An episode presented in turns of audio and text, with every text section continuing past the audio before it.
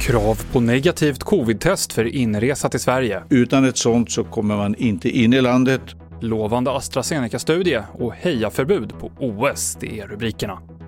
För att förhindra att nya virusmutationer sprids i Sverige så måste utländska medborgare som vill komma in i landet visa upp ett negativt covid-test, sa regeringen idag. Från och med lördag den 6 februari så måste utländska medborgare som vill resa in i Sverige visa på ett negativt eh, covid-19-test.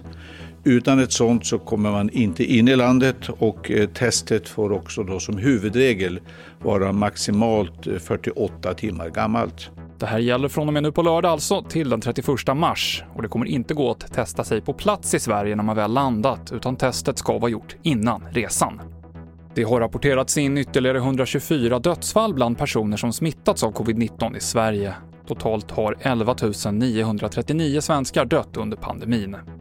AstraZenecas covidvaccin minskar spridningen av coronaviruset enligt en brittisk studie.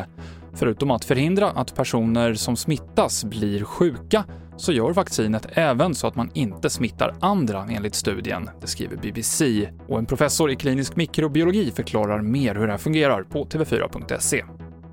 En man har blivit anhållen för ett mord på en busshållplats i Märsta norr om Stockholm i höstas, enligt uppgifter till Aftonbladet. En kvinna i 20-årsåldern sitter häktad för mordet sedan ett par veckor tillbaka.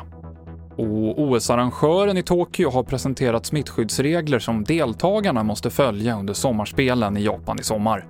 Bland annat så får inte aktiva och ledare åka allmänna transportmedel utan tillstånd och man får inte heja på eller krama om lagkamrater när man är i arenorna Uppmuntrande applåder går däremot bra. Följs inte reglerna kan man bli hemskickad och det ska komma riktlinjer för publik senare.